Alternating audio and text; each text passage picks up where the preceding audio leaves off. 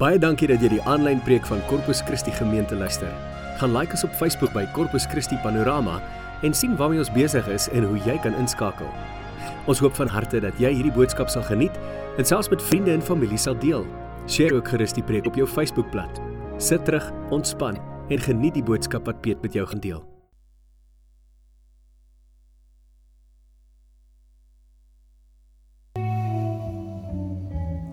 Ja Here, ons hoef nie uit te skree om u aandag te kry vir oggend nie. Ons hoef nie uit te roep Here om om seker te maak u hoor ons nie. Here, ons roep uit vir oggend omdat daar 'n wete in ons hart is dat ons vergewe is, dat ons vrygespreek is, dat ons skoon gewas is deur die bloed van die lam en dat ons aan u behoort, Here. Dat u ons duur gekoop het deur die bloed en dat ons ver oggend met vrymoedigheid na u toe kan kom. Net soos ons is, by u kan wees net soos ons is en veilig by u kan sit ver oggend in die wete dat ons u geliefdes is dat u ons liefhet met 'n met 'n met 'n met 'n ongelooflike liefde 'n liefde wat ons nie kan verklaar of ooit kan begryp nie. Here en ons is oorweldig ver oggend deur u groot liefde vir ons.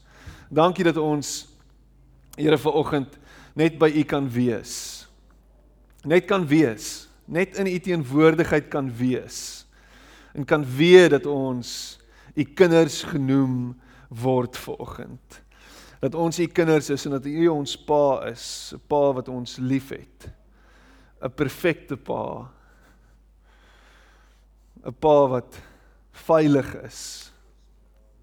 'n Veilige hawe is. En ons wil vir u dankie sê daarvoor. Dankie vir u genade. En dankie dat ons as gemeente vanoggend in u teenwoordigheid kan wees.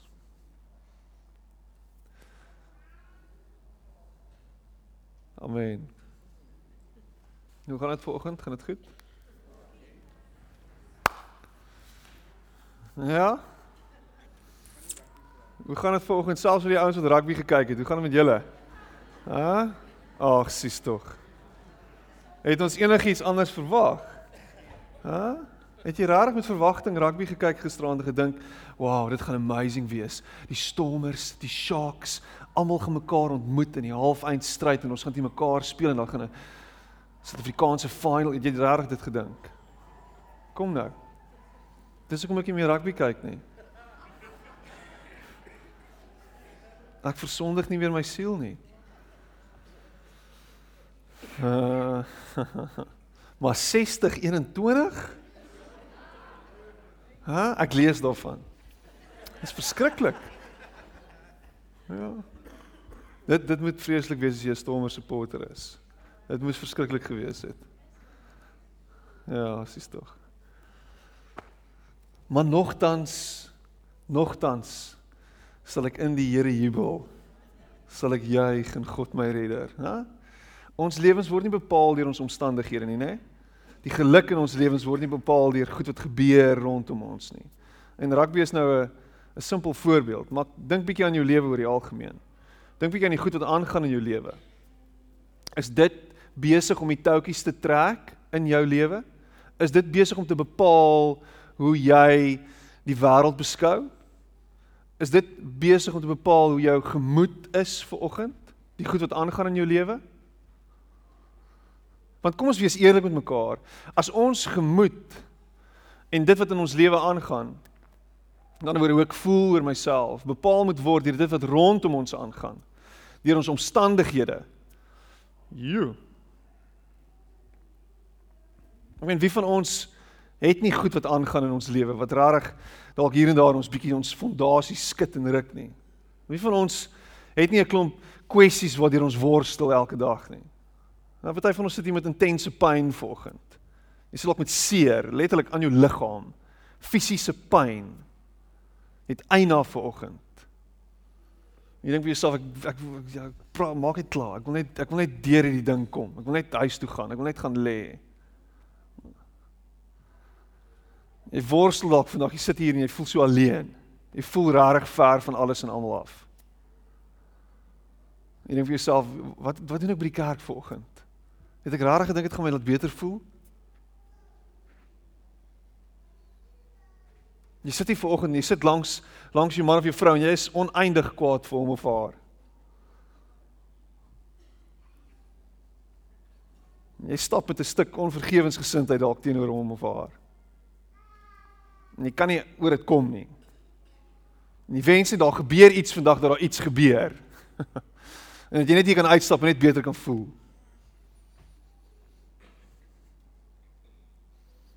Jy sien jy hoop. En Sondag is te ver uit mekaar uit vir jou om om oor die algemeen net goed te voel. En ek weet nie hoeveel keer hoor ons dit nie mense wat vir my sê, jy weet, weet ek kom kerk toe en ek dan kry ek so ietsie wat my net so 'n bietjie go gee. Dis dis is asof ek 'n Red Bull gedrink het en dan voel ek goed, maar hy werk weer uit en dan Sondag is baie ver en en, en dan kom ek weer terug en dan kry ek my shot en dan gaan ek weer deur en phew. En ons worstel week na week, dag in en dag uit worstel ons.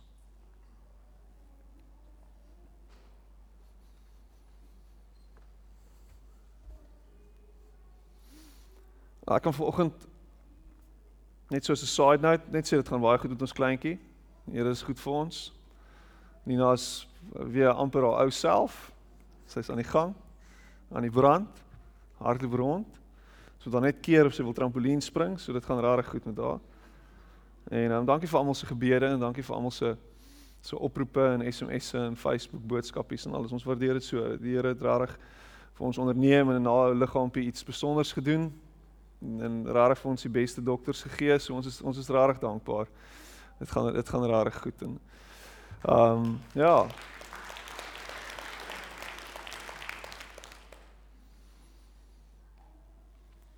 En ek moet sê ek ek voel ek voel omarm. Ek voel ek voel geliefd ver oggend. Ek voel rarig dat dat daar mense is wat omgee. En en ek dink vir myself, weet, hoe sou ons lewens gelyk het as ons nie deel was van 'n gemeente nie? En miskien moet jy jouself die vraag afvra, hoe sou jou lewe gelyk het as jy nie deel was van 'n gemeente nie? En antwoord jouself hierdie vraag. Sou jou lewe anders gelyk het as jy nie deel was van 'n gemeente nie?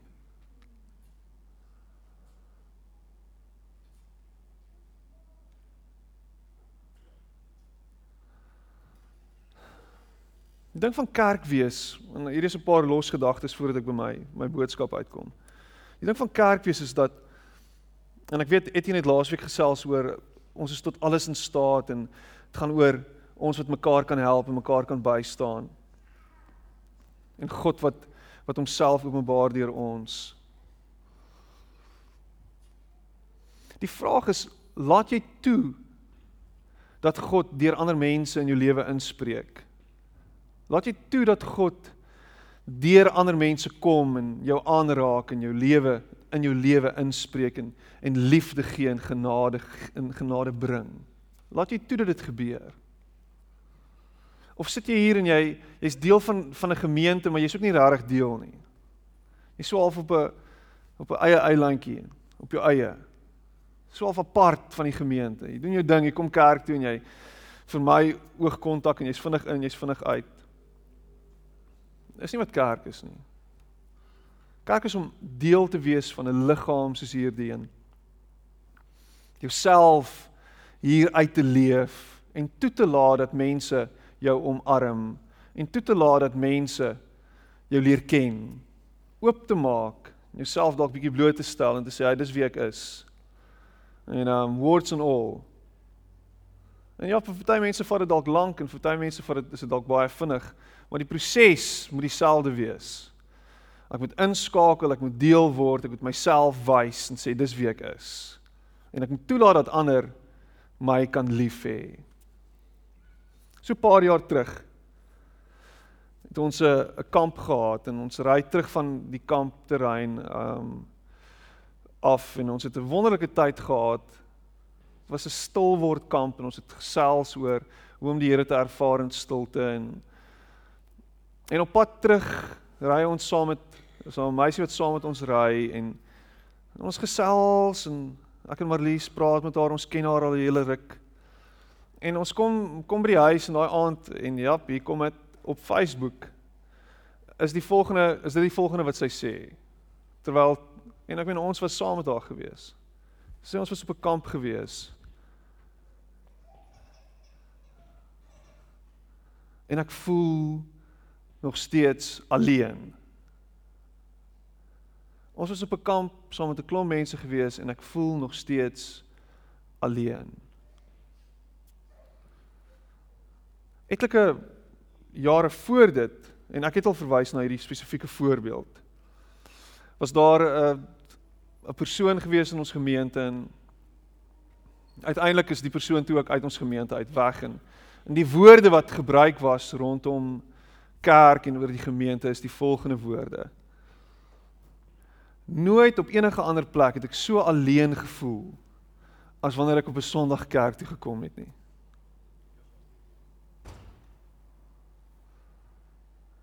En dit het my hart gebreek. Dit het my hart gebreek dat iemand kan kerk toe kom en kan deel wees van van 'n liggaam soos hierdie, deel wees van 'n gemeente soos hierdie en kan huis toe gaan en nog steeds alleen kan voel.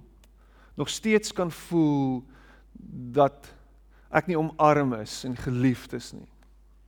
Nog steeds kan voel dat dat ek alleen op hierdie aarde is selfs in my handel en my wandel met ander Christene.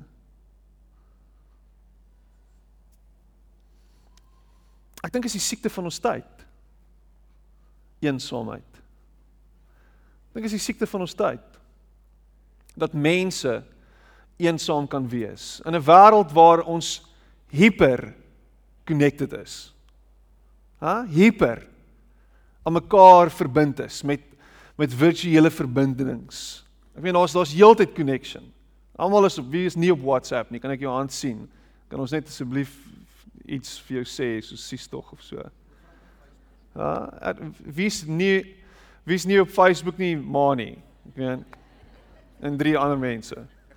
Maar ons almal is in Manie is regtig 'n sad persoon oor die algemeen.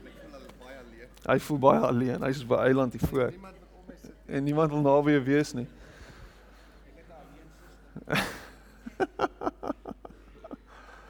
En ons is alleen, ten spyte van die feit dat ons so connected aan mekaar is. Nou dan voel jy alleen en dan sit jy neem jy 'n selfie en dan post jy dit op Facebook en dan elke 20 minute dan kyk jy wie wie dit gelike. Dis so 'n komment wat deurkom.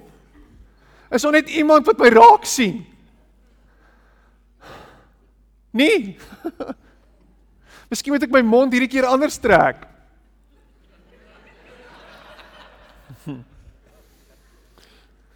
Come on. Dis nie net ek nie. Hm. Maar wie van ons sit baie keer by die skool of by die werk? Pause, lunch break en jy voel net so alleen. Jy kom kerk toe en jy voel alleen. En al wat jy bid is Here, sien my net raak asseblief. Doen net iets vir my asseblief. Sê net vir my dat U my raak sien. Dat ek geliefd is. Dat ek goed genoeg is. Here hoor net my hart vanoggend. Hoor net Here dat ek U nodig het en dat ek nie sonder U kan wees nie. En ek wil hierdie skrifgedeelte lees. Hierdie is hierdie is rarig vir my. Dit is 'n pragtige stuk.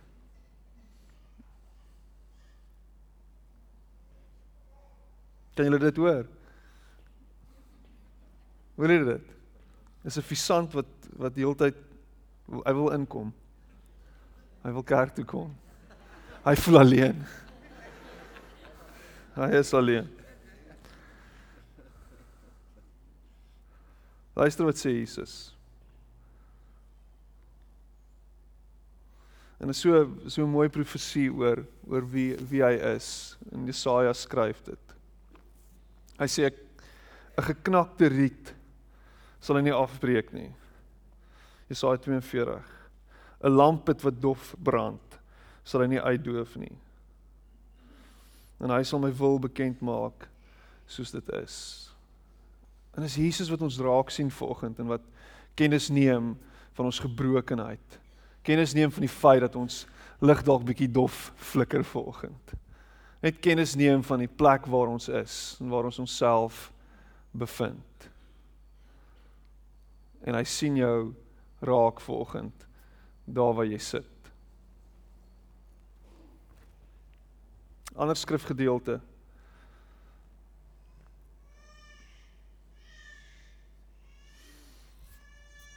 in Johannes of in Matteus 11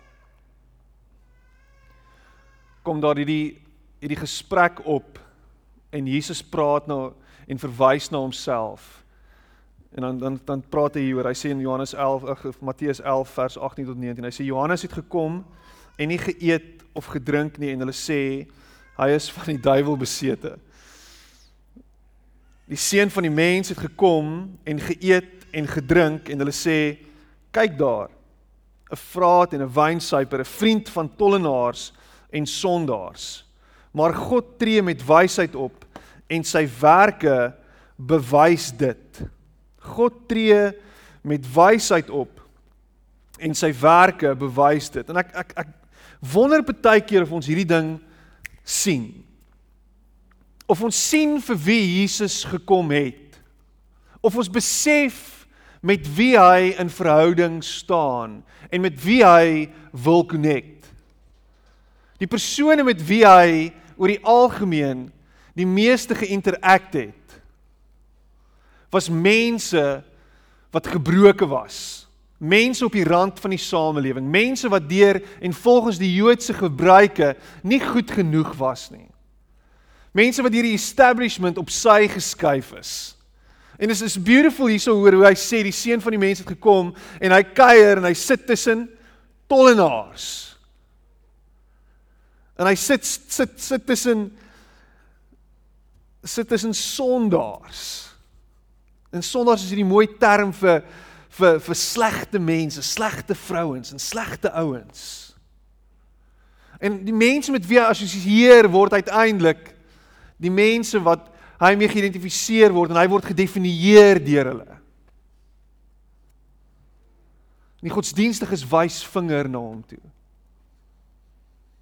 En vanoggend as jy miskien hier en jy kom met 'n stuk hoop dat jy dalk uiteindelik goed genoeg sal word in God se oë en dat daar 'n miskien 'n verandering sal kom in jou gemoedstoestand sodat jy kan beter voel oor jouself en jy hoop dalk net miskien sien hy dit raak en hy sien hierdie effort wat jy insit om kerk toe te kom en dalk dalk gee hy vir jou 'n regmerkie en hy sê mooi. En miskien mis jy dit vanoggend want jy's 'n geknakte riet en jy's 'n dowwe lamp en jy sit hier ver oggend en jy voel soos een van hierdie tollenaars en soos een van hierdie sondaars en dan wil ek vir jou volgende die, volgende sê Jesus het gekom vir jou. Jesus het gekom vir my. En as jy so goed is en as jy so great is en dat jy as jou lewe so uitgesort is en alles is alles is amazing, dan het jy nie Jesus nodig nie. Maar miskien as jy ver oggend hier sit en sê Here, dis wie ek is. Is ek okay? Sê hy jy's okay. Want jy's die een vir wie ek gekom het. Jy's die een by wie ek wil sit. Jy's die een met wie ek wil connect.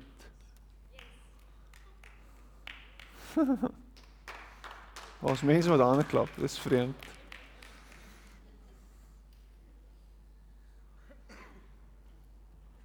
So die oomblik wanneer jy jouself plaas op 'n plek waar jy dink, "Wow, nou het ek gearriveer in my geestelike lewe." Is die plek waar jy jouself distansieer van Jesus want jy sê ek het nie meer jou as redder nodig nie. Ek's okay.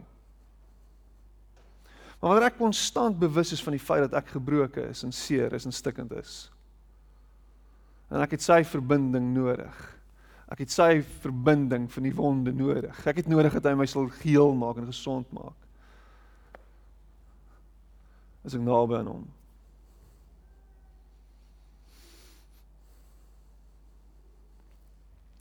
Die ding van gemeente wees is dat ons sy hande en sy voete word. Dat ons uiteindelik die mense is wat Jesus se genesing en sy aanraking bring na hierdie wêreld toe. Wens ons kon dit net behoorlik snap. Jy hoef nie iemand te word om dit te wees nie. Jy is dit reeds. Jy is sy hande en sy voete. En jy word geroep om juis hier te wees vir die geknakte riet en vir die dowwe lampet. Jy word juis juis geroep as tollenaar en sondaar om hier te wees vir die tollenaar en die sondaar.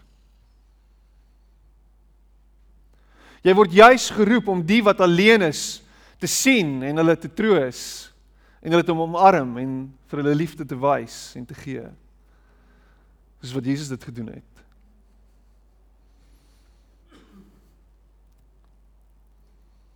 Hoe het ons hierdie mense nodig? 'n Lief. Hoe hoe het ons hulle lief? Hoe wys ons ons liefde aan hierdie gebrokenes, aan hierdie seeres, aan mekaar? Hoe doen ons dit? En miskien moet ons kyk na 'n paar voorbeelde van hoe Jesus mense liefgehad het. Hoe hy aan mense sy liefde bewys het. En ek dink een van die pragtigste voorbeelde vir my in die Bybel van hoe Jesus iemand liefgehad het was toe hy 'n persoon fisies aangeraak het. Nou omdat ek spits jou ore as jy ou is, ek hou van aanraking. Ek hou daarvan. Ek hou van van van touch. Ek's 'n touch mens. En jy wie van julle het al the five love languages gehoor? Ja, en dalk gelees die boek van Gary Chapman. Nee, daar's 5 en een van hulle is fisiese kontak. En die van julle wat van fisiese kontak hou, julle hoor wat jy weet, dis een van daai tale wat jy fisies voel iemand is lief vir jou. En in hierdie wêreld waar daar die heeltyd virtuele koneksies is waar ons heeltyd van ver af mekaar liefhet, is dit dalk nodig om hier en daar deur die grense te breek en iemand net fisies aan te raak. Net fisiese aanraking uit te deel. Ek sien dit met ons met ons kleintjies en dis vir my een van die grootste voorbeelde van hoe om lief te wees en ek word heeltyd ge-challenged daarmee want jy kan in een oomblik kan jy met Nina raas en ons het al hierdie week al met haar geraas. Jy kan dit nie glo nie. Sy kom uit die hospitaal uit en ons is terrible ouers. Ons het al klaar begin om haar weer te dissiplineer. Vergewe my. Maar nou dissiplineer ons haar en ons sê van Nina nee, hou op om dit te doen en dan die volgende oomblik dan sal sy uitbars in trane soos wat net 'n 2-jarige onstabiele 2-jarige kan doen. En sy skree op die toppunt van haar van haar stem: "Jy is nie meer my maatjie nie." en dis die grootste belediging wat 'n 2-jarige vir jou kan gee. Jy is nie meer my maatjie nie. En dan sê ek: "Maar ek is nog nooit jou maatjie gewees nie," sê ek vir haar. "Ek is jou pappa." En dan in daai gebrokenheid en in daai seer en in daai huil wat sy daai daai daai belewenis van verwerping en en en van van van dissipline en sy hou nie daarvan nie. Daar's 'n worsteling, hierdie twee stryd hier binne. Dan maak sy net so met haar armpies. En dan stap sy so naby en dan druk sy jou so. Dan maak hy koppie so in. En natuurlik die tipe ouer wat ek is, dan stamp ek al weg en sê van ja, ja los my uit. Nee. Is in daai oomblik is is is daar smelt alles en jy was nou kwaad gewees en jou hart smelt en jy vat haar en jy druk haar en jy tel haar op en jy hou haar vas. En sy beleef aanvaarding en liefde en sy beleef dat sy geliefd is in daai oomblik. In Matteus 8 vers 2 and, and and a man with leprosy came and knelt before Jesus and said, "Lord, if you are willing, you can make me clean." You can make me, if you are willing, you can make me clean. En hierdie ou hou sy afstand en hy kom net en hy kniel net voor Jesus. Hy weet as melaatse moet hy nie naby ander mense kom nie want hy's onrein, nê? Nee? En en as gevolg van sy siekte toestand het sy hele liggaam al begin om in om 'n verwronge natuur aan te neem. Hulle sê die mense se hele se hele wese raak hulle lyk later anders. Alles begin vervorm. Hulle lyk Hulle trek in mekaar. En word hierdie sere ontsteek en dan as gevolg daarvan is hierdie die, hierdie reuk wat hulle afgee. Letterlik. En as jy dit nie behandel nie, dan kan jy na na 'n hele paar jaar sal jy sterf, maar dit sal stadig wees totdat jy uiteindelik dood is. Verskriklike manier om te sterf. En wat dit erger maak is die die alleenheid daarmee saam. Want ek mag nie meer tussen my mense wees nie. Ek word uitgeskuif na buite toe. So ek gaan dood alleen aan hierdie verskriklike siekte, want niemand durf dit naby my waag nie. Imagine dit, sy seer en sy pyn fisies wat hy gehad het, maar ook die seer en die pyn wat hy gehad het as gevolg van die feit dat hy alleen was.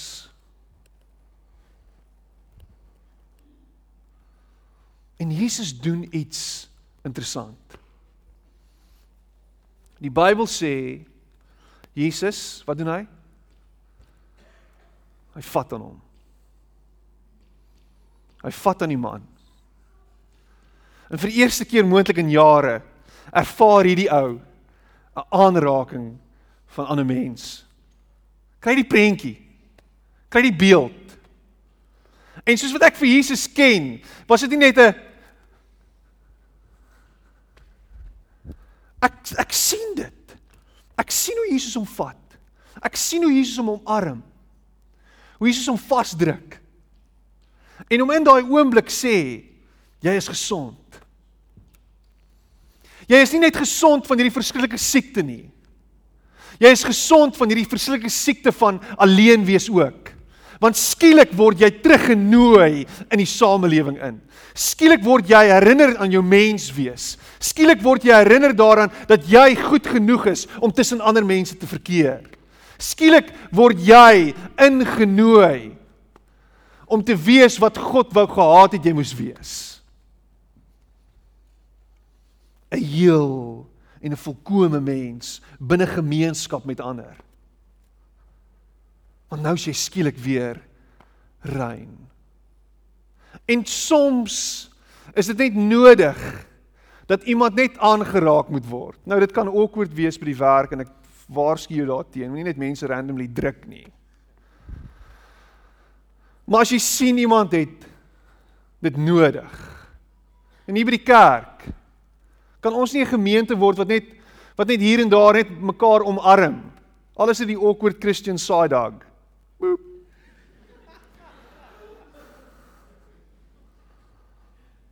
Of ten minste net iemand se hand skud. Ons hoef nie die broederlike kus weer in te stel nie. In die ou kerke in die ou tyd het hulle mekaar, die mans mekaar ook heeltyd gesoen. Nou ek soen my pa en my broer, maar ek meen dit raak awkward as ons mekaar begin soen hier in die openbaar die hele tyd. Maar kom ons wees lief vir mekaar.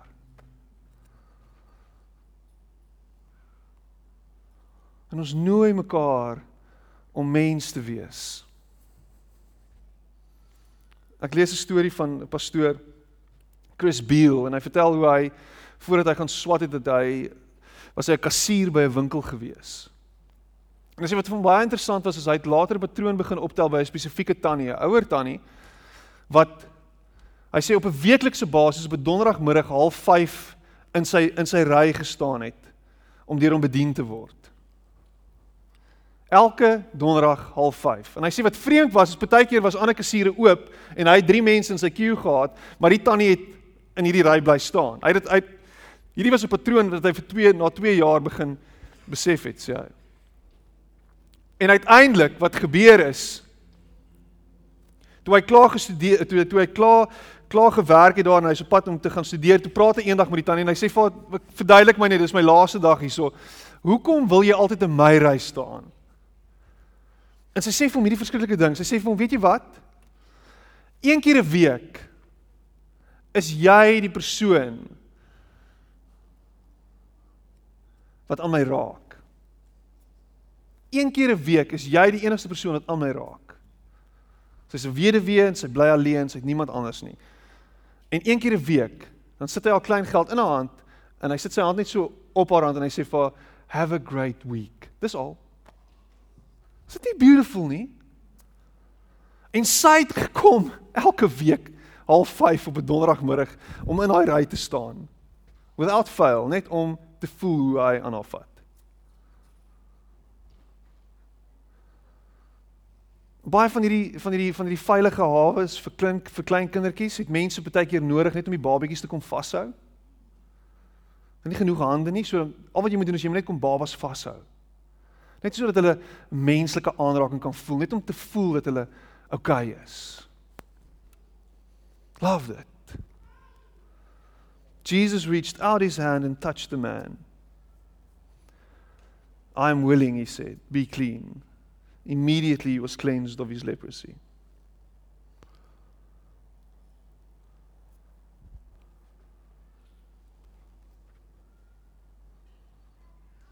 Miskien as pa.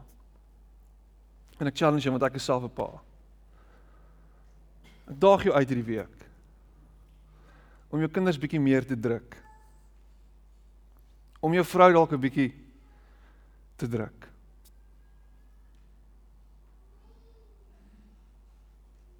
Ek glo daai daai daai quote van van Moeder Teresa. Wat sê if you want to change the world, go home and love your family.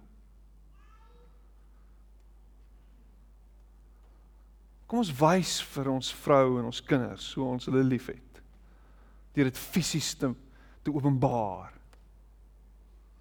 En daardeur saam ervaar hulle dalk bietjie iets van God se liefde.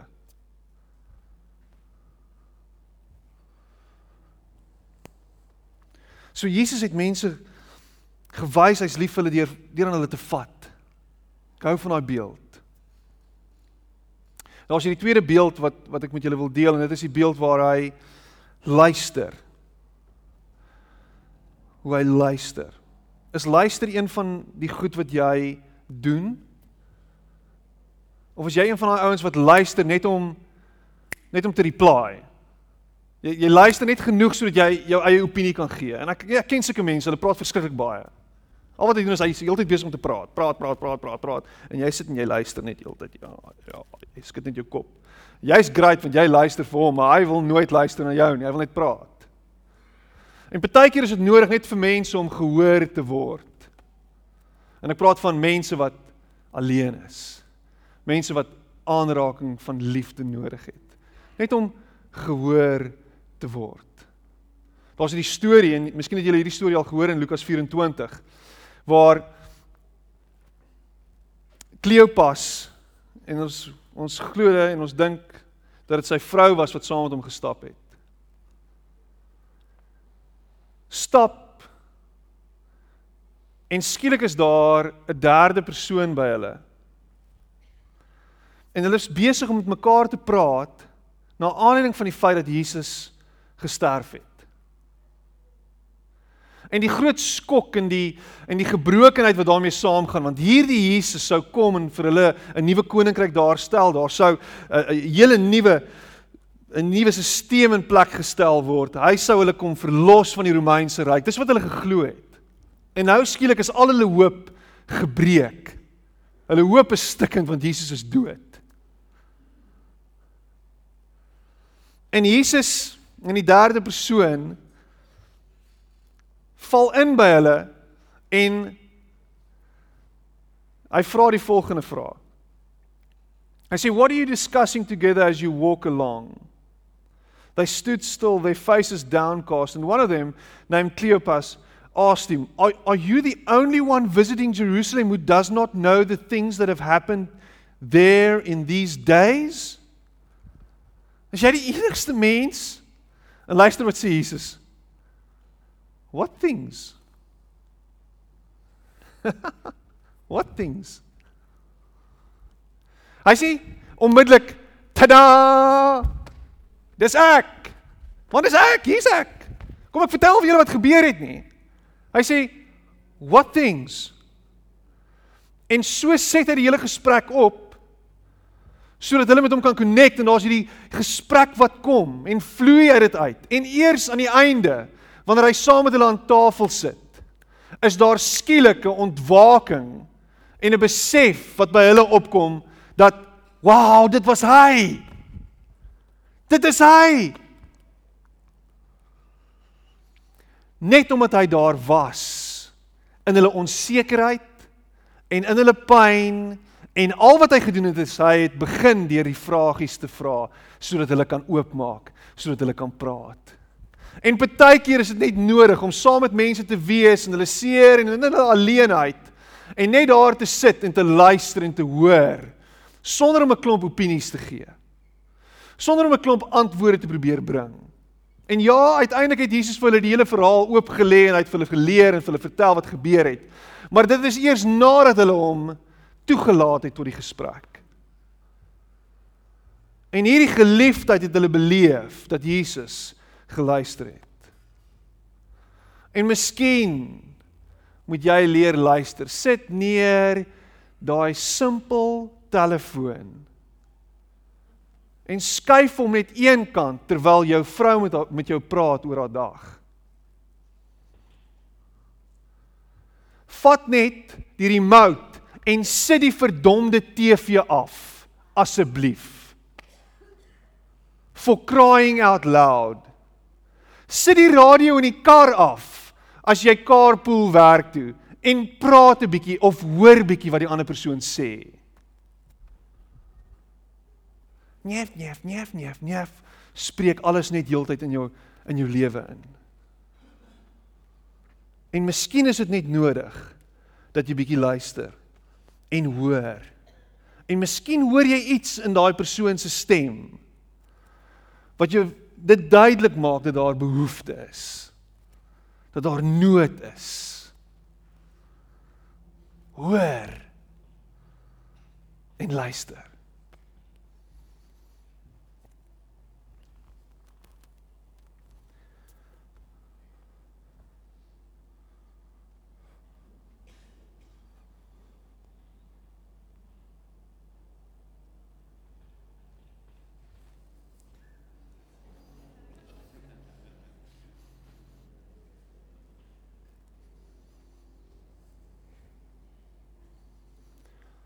Wanneer laas het jy gesit? En net geluister vir God se stem. En net gehoor wat hy wil sê. Wanneer laas het 'n bietjie jou mond gehou en net ophou praat met hom. En net geluister na hom. Ja, dit is bietjie weird, Piet. Gebed is 'n one-way street. Dis waar ek God inlig presies hoe ek voel en wat ek dink en wat ek wil sê. En die psalmskrywers het dit heeltyd gedoen, Piet. My vraag aan jou is wanneer laas was jy stil gewees en net gehoor wat hy vir jou sê? Net toegelaat dat hy met jou praat. Net werklik gehoor dat jy geliefd is. Sy stem gehoor en gehoor hoe hy vir jou sê, my seun, my dogter, my geliefde kind. Ek is lief vir jou. Wanneer laas? Nee, maar die stem wat ek hoor, Petrus, is 'n veroordelende stem. Dis 'n stem wat my heeltyd straf. Dis 'n stem wat heeltyd vir my sê ek is nie goed genoeg nie. Dis 'n stem wat heeltyd vir my sê ek is op pad hel toe. Dis 'n stem wat vir my sê ek gaan nêrens heen gaan nie. Ek dis 'n stem wat vir my sê my lewe gaan uitmekaar uitval. Dis die stem wat heeltyd met my praat en sê ek moet dit doen en ek moet dit doen en ek moet dit doen. Dis die stem wat ek heeltyd hoor. Ek hoor die heeltyd ek is op pad iewers heen en dis eintlik nêrens nie. Dis die verkeerde stem na wie jy luister. Miskien is die stem wat wil deurbreek, die stem wat vir jou sê jy is goed genoeg, jy is geliefd en ek het jou vry gespreek en daarmee saam is jy vrygemaak. Dis die stem wat jy moet hoor. Wat jaag jou? Wat is dit wat jou heeltyd angstig maak? Wat? Laat toe dat God met jou praat. En miskien is dit tyd dat jy dalk toelaat dat iemand in jou lewe inspreek ook. En lewe spreek in jou lewe in.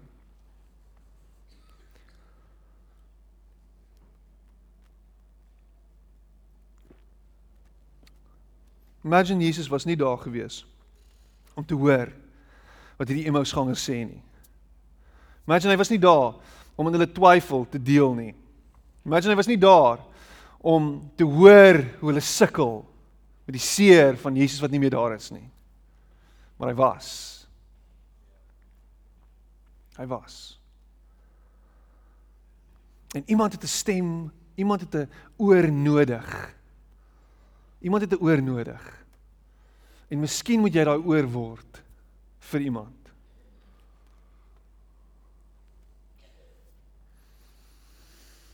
Nog 'n manier hoe Jesus en as hiermee sluit ek af lief gehad het was met sy tyd. Ek wonder of ons besef dat Jesus het mense in sy lewe ingenooi. Hy het 12 disippels genooi om voltyds met hom te wees. By hom te wees. Hy het hulle nie genooi om te om hom te volg en dan elke nou en dan dan kom hy in vir kontak sessies nie. Dit was nie afstandstudie gewees nie. Dit was nie Unisa nie. Dit was Jesus hands-on met 12 disippels vir 3 en 'n half jaar. Full on heeltyd by hulle met hulle. Hy was teenwoordig gewees met sy tyd. Hy was present. Hy was daar. Hy was nooit gejaagd gewees nie. Hy was nooit te besig om te hoor dat hulle hom nodig gehad het nie.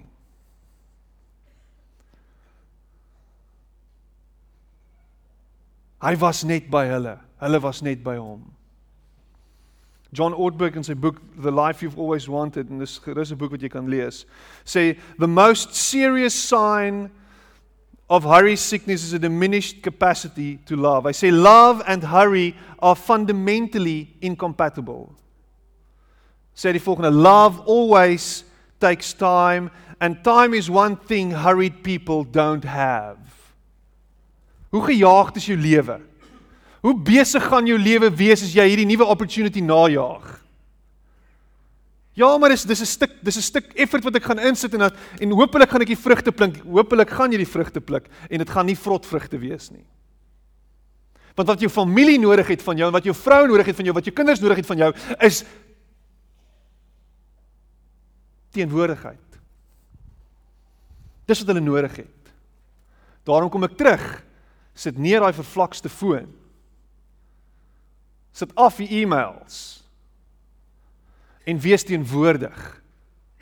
En hou op gejaagd wees. En hou op hardloop. En hou op heeltyd besig wees. En wees lief.